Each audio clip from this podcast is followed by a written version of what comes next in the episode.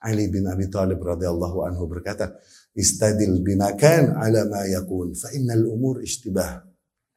Carilah clues dari apa-apa yang pas, yang telah terjadi. Dalam menghadapi apa-apa yang happening, yang sedang terjadi.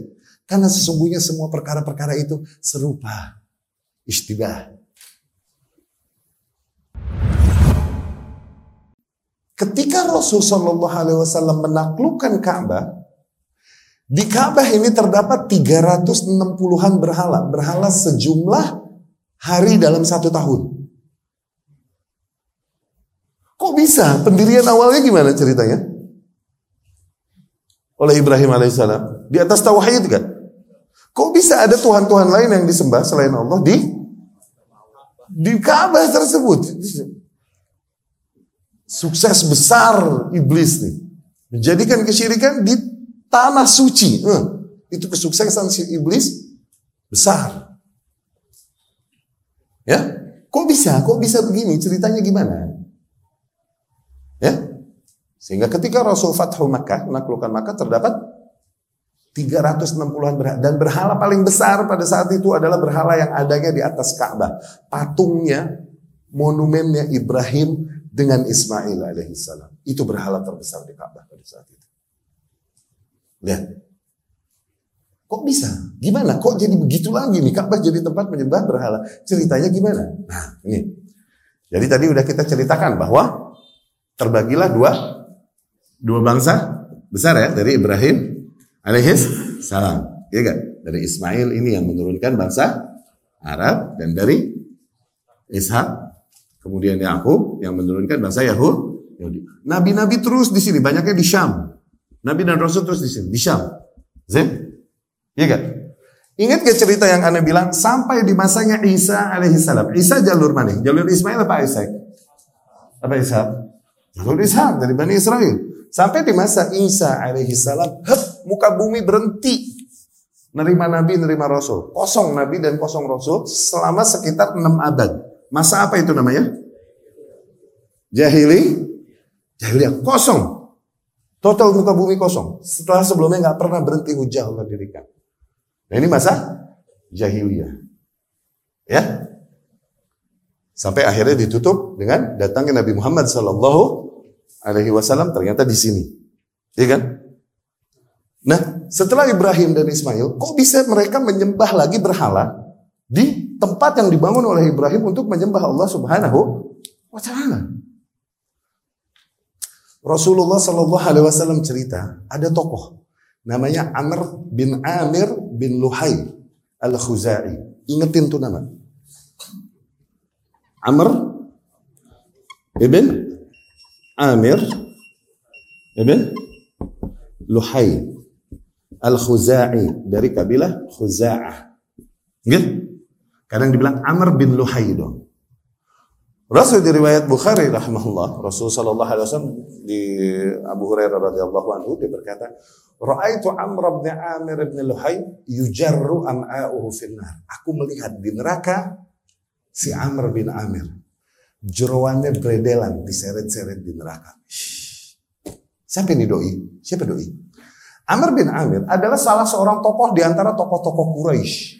Tokoh-tokoh besar yang megang kuncinya Ka'bah keluarganya. Di jalur sini berarti kan? Iya gak? Iya gak? Dia adalah seseorang yang ditokohkan oleh kaumnya. Karena apa? Karena rajin ibadah, kemudian akal yang rojih, kemudian sering sodakoh. Terjadi pada turunan Ismail alaihissalam sebagaimana terjadi pada nabi-nabi terdahulu.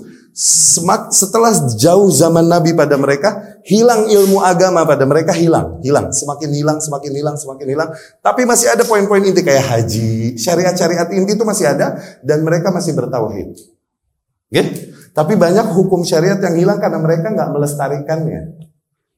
Semakin asing pada mereka, hukum agama itu semakin asing pada mereka. Ada nilai-nilai kejujuran, nilai-nilai harga diri, nilai-nilai kesetiakawanan dan ini masuk dan meresap ke dalam nilai-nilai yang sifatnya emang nilai-nilai moral turun-temurun, bukan lagi nilai agama. Oke? Tapi syariat-syariat inti masih berjalan. Khitan, sunat, jenggot. Itu berjalan masih.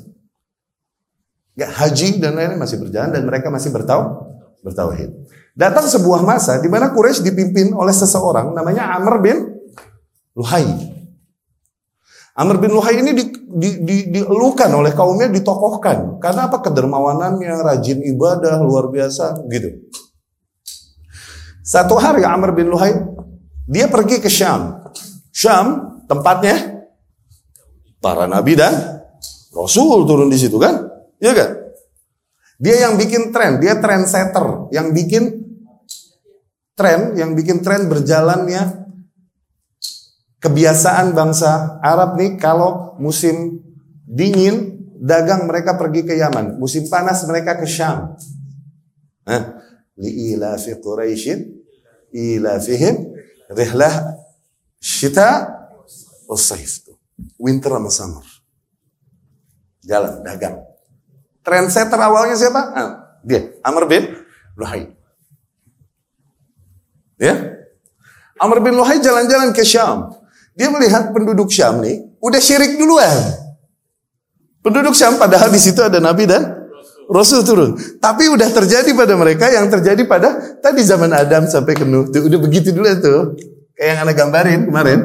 Udah begitu duluan. No, udah begitu duluan. Penduduk Syam nih udah. Kenapa kaum Yahudi, kaum yang paling jago menunjukkan pembangkangan. Eh?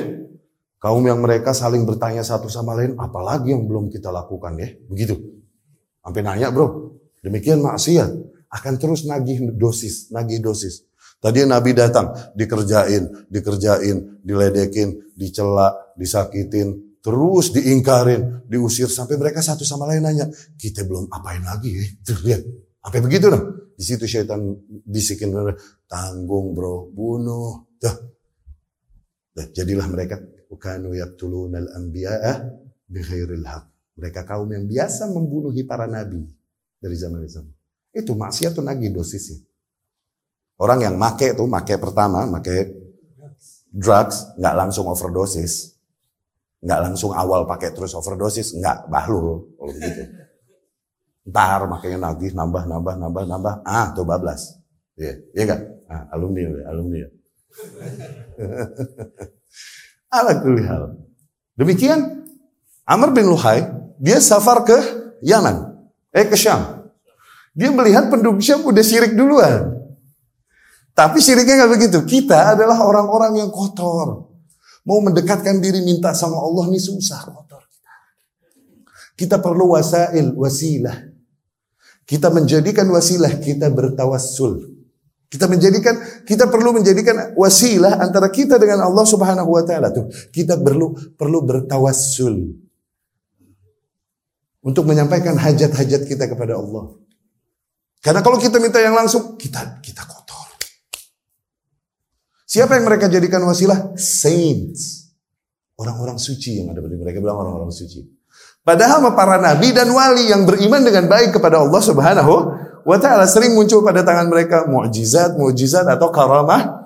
Karamah mereka mah konsep keimanannya benar, cuman diceritakan dan dielulukan sama bergeser kayak zaman waktu dari Adam ke Nuh tadi, diceritain, diceritain, ceritain, dongengin, dongengin.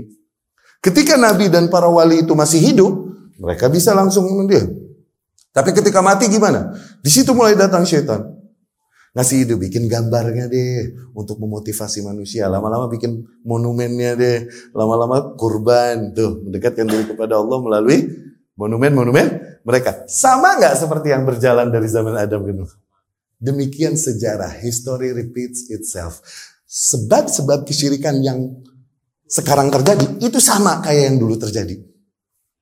Sama, patternnya sama. Udah begitu-begitu juga. Orang yang cerdas nih orang yang mau baca sejarah untuk ngambil pelajaran. Ali bin Abi Thalib radhiyallahu anhu berkata, "Istadil binakan ala ma yakun fa innal umur ishtibah." Carilah clues dari apa-apa yang pas, yang telah terjadi. Dalam menghadapi apa-apa yang happening, yang sedang terjadi. Karena sesungguhnya semua perkara-perkara itu serupa. Ishtibah.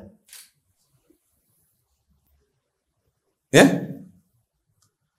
Nah orang-orang Syam begini, mendekatkan diri kepada Allah tuh melalui orang-orang yang mereka muliakan, mereka agungkan dalam bentuk monu, monumen tuh. Mereka yukarrib kurban, menjadikan kurban, sajen, bahasa kita sajen. Oke, okay? kepada berhala-berhala tersebut atau monumen-monumen tersebut. Itu makanya mindset mereka bukan minta sama dia, tapi mintanya sama Allah. Allah ini perantara aja, gitu. Ma na'buduhum illa liyuqarribuna ilallahi zulfa. Tidaklah kami sembah mereka kecuali dengan tujuan agar mereka lebih mendekatkan diri kami kepada Allah. Itu tujuannya yang baik, hasanah. Iya kan? Amr bin Luhai ngelihat mindset dan pola ini di Syam istahsanah. Dia menganggap ini hasanah. Yani this is good. Oh, iya benar juga ya. Begitu. Gue gak bilang, lu yang bilang tuh, hasanah. dia bilang hasanah, istahsanah, begitu bang. Huh? Mulailah dia ambil satu berhala. Iya khil deh, anda ambil ya dari sini satu monumen. Iya. Yeah. Dia ambil satu monumen nih dari sini nih. Dari mana? Syam. Dibawa pulang ke kampungnya. Di mana kampungnya? Mekah ditaruh di Ka'bah. Jam. Dia seru kaumnya, nyok beribadah kepada Allah dengan yukarrib kurban dengan menjadikan saya mendekatkan diri melalui ini tokoh nih kita jadi ini orang dulu gue sholat di atas air ngambang. Gue gimana kek cerita-cerita ini? Kan awal man sayyab sawaib dia adalah orang yang pertama naruh berhala di Ka'bah yang bikin sunnah syirik. Awal di Ka'bah doi